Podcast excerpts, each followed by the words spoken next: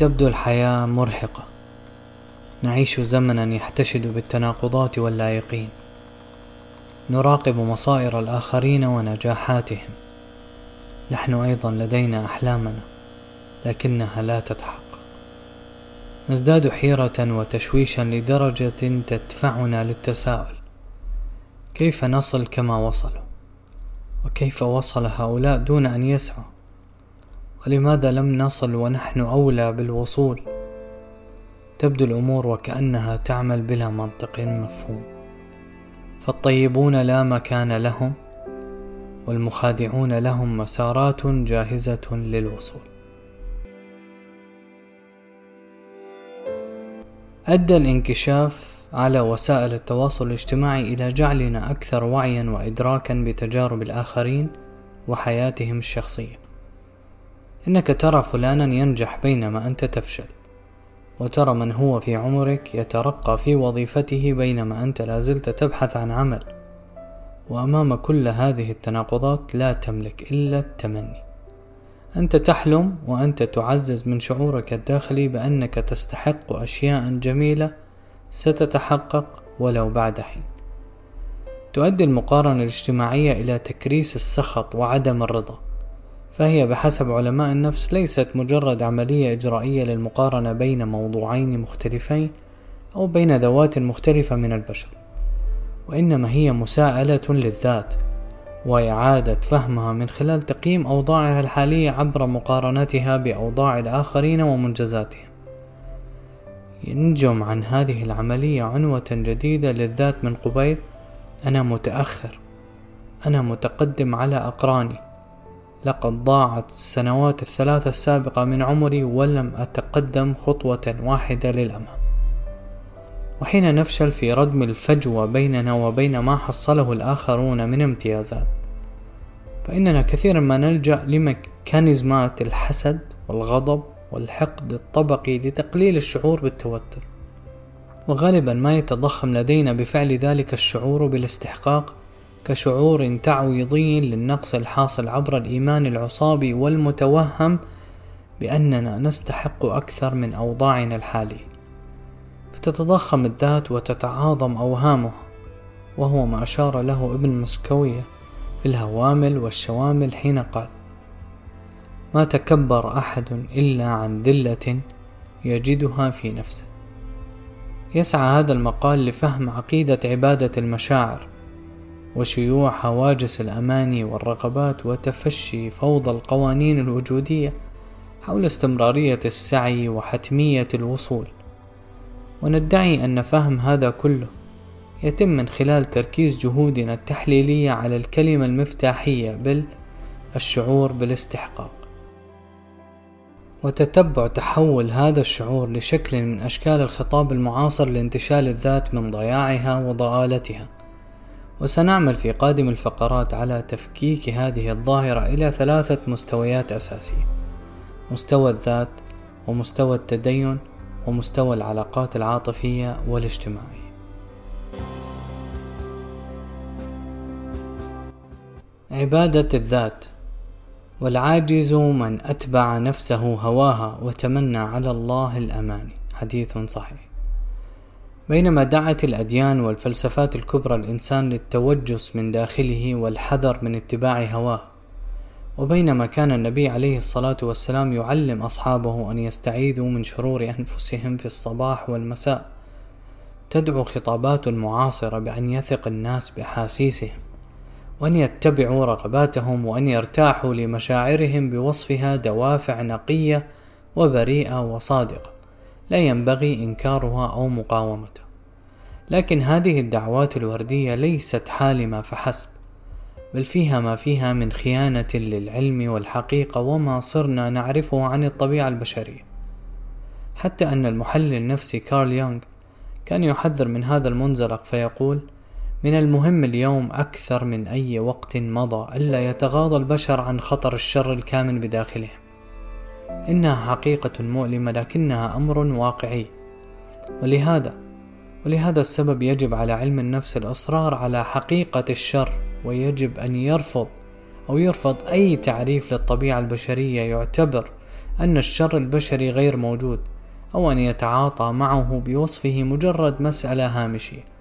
وقد قال أبو بكر الصديق في وصيته لعمر رضي الله عنهما حين استخلفه إن أول ما أحذرك نفسك التي بين جنبيك. ثمة ثقافة شائعة بين الأفراد بأن يتعاطوا مع رغباتهم وأمانيهم الداخلية بوصفها شرعية بالضرورة. خاصة حين تكون هذه الرغبات مغطاة بقوالب الخير والنوايا الحسنة تكمن المشكلة في هذه المقولات. أنها تتضمن عددا من المعاني الضمنية أولاها كل ما أتمناه أنا. كل رغباتي كل ما أحلم به. هو أمر جيد وهو الخير بعينه وهو ما سيجلب لي النجاة في الدنيا والآخرة ولهذا يجب أن يتحقق. ثانيهما طالما أن ما أتمناه أمر طيب حلال ومباح وظيفة نجاح أو زواج فإن الله سيحققه لي الآن أو لاحقا. وإلا فلماذا يجعلني أتمناه؟ عزيزي المتسائل عند هذه النقطة تحديدا تلقي بنفسك في بئر مظلم من الاستحقاقات الشعورية حين تجعل من أمانيك حقوقا مع أنه تعالى يقول ليس بأمانيكم ولا بأماني أهل الكتاب إذ ليس التحصيل بالتمني وإن شئت أقرأ أم للإنسان ما تمنى. صدق الله العظيم. التي قال ابن كثير في تفسيرها أي ليس كل من تمنى خيرا. حصل له.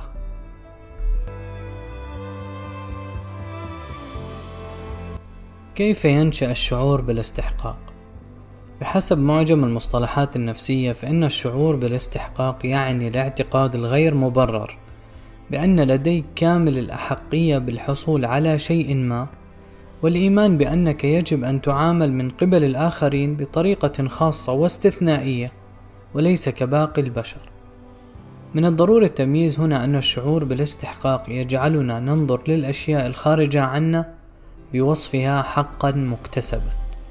ينتمي الشعور بالاستحقاق لعالم الطفولة ولشعور متوهم بأهمية الذات وتضخم الأنا وعوضا عن السعي لمصارعة الوجود وتلبية الرغبات من خلال معادلات الاجتهاد والكفاح والمثابرة ودخول حلبة التنافس عبر الجدارة والكفاءة.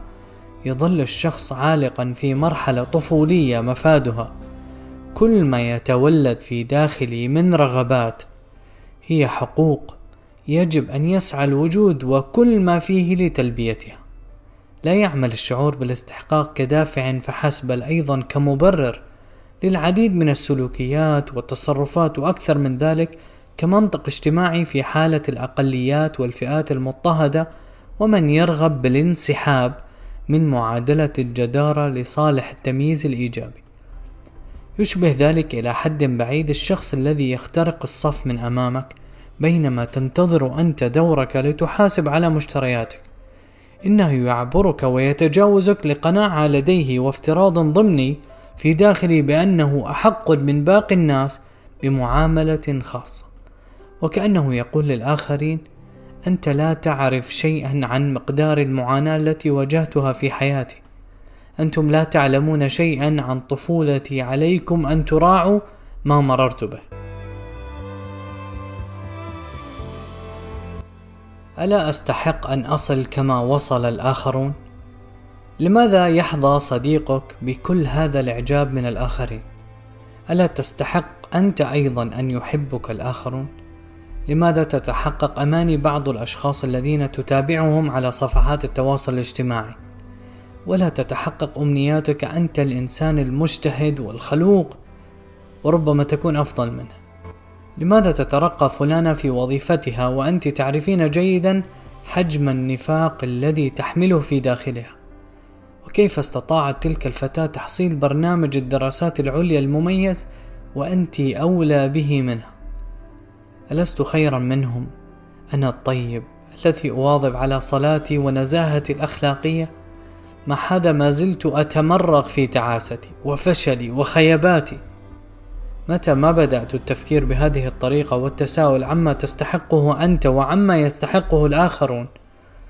تحسس مسدسك التزكوي فأنت تعود بنفسك أو تعود بنفسك لمنزلق الخطيئة الأولى للوضع الشيطاني الأسوأ إذ إن أول تعبير صريح للشعور بالاستحقاق في الوجود كان جوهره تفكيرا مماثلا عند الشيطان.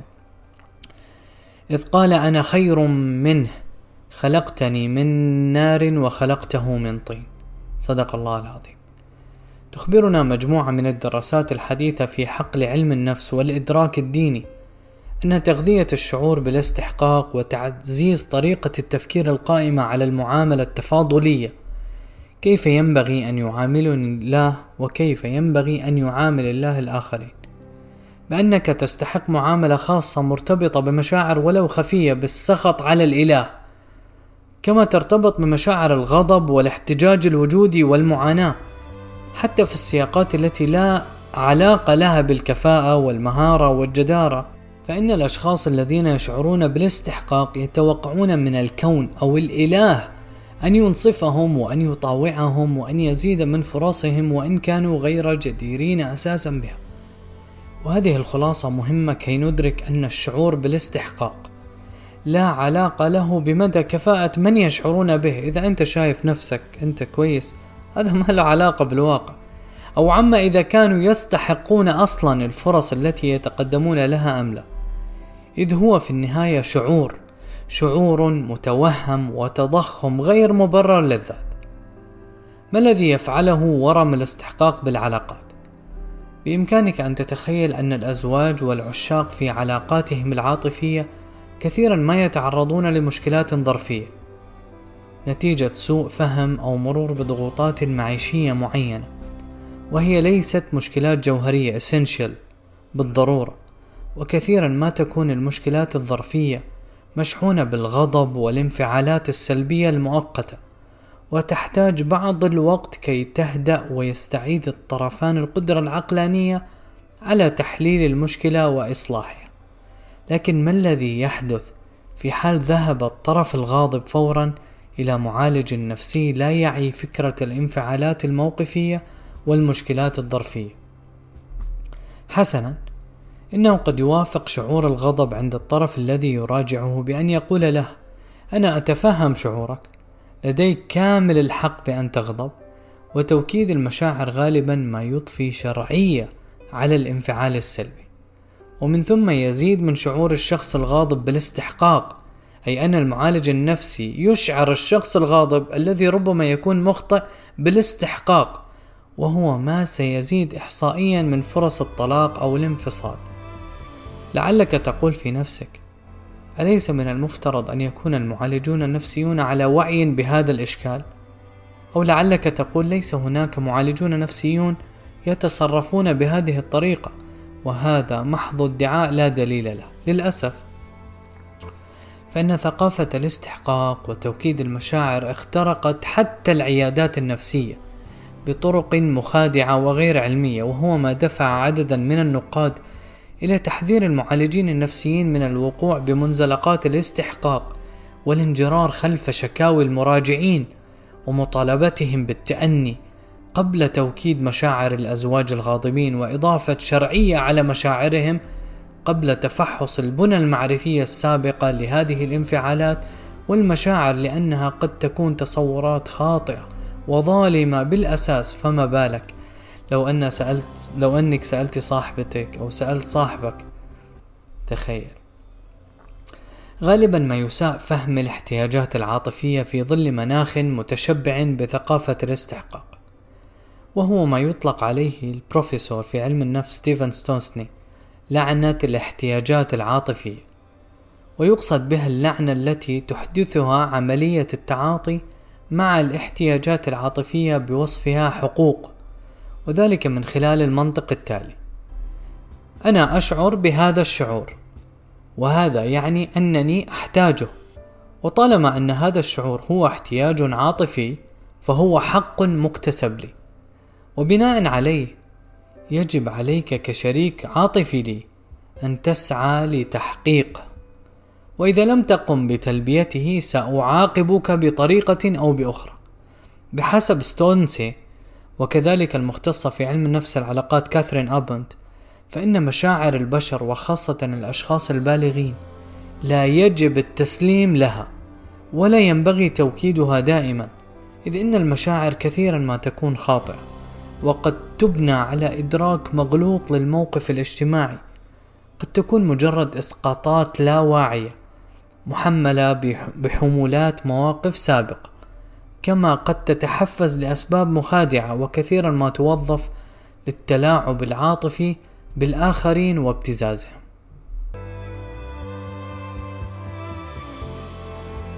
ولا يقتصر خطاب الاستحقاق على عبادة المشاعر فقط.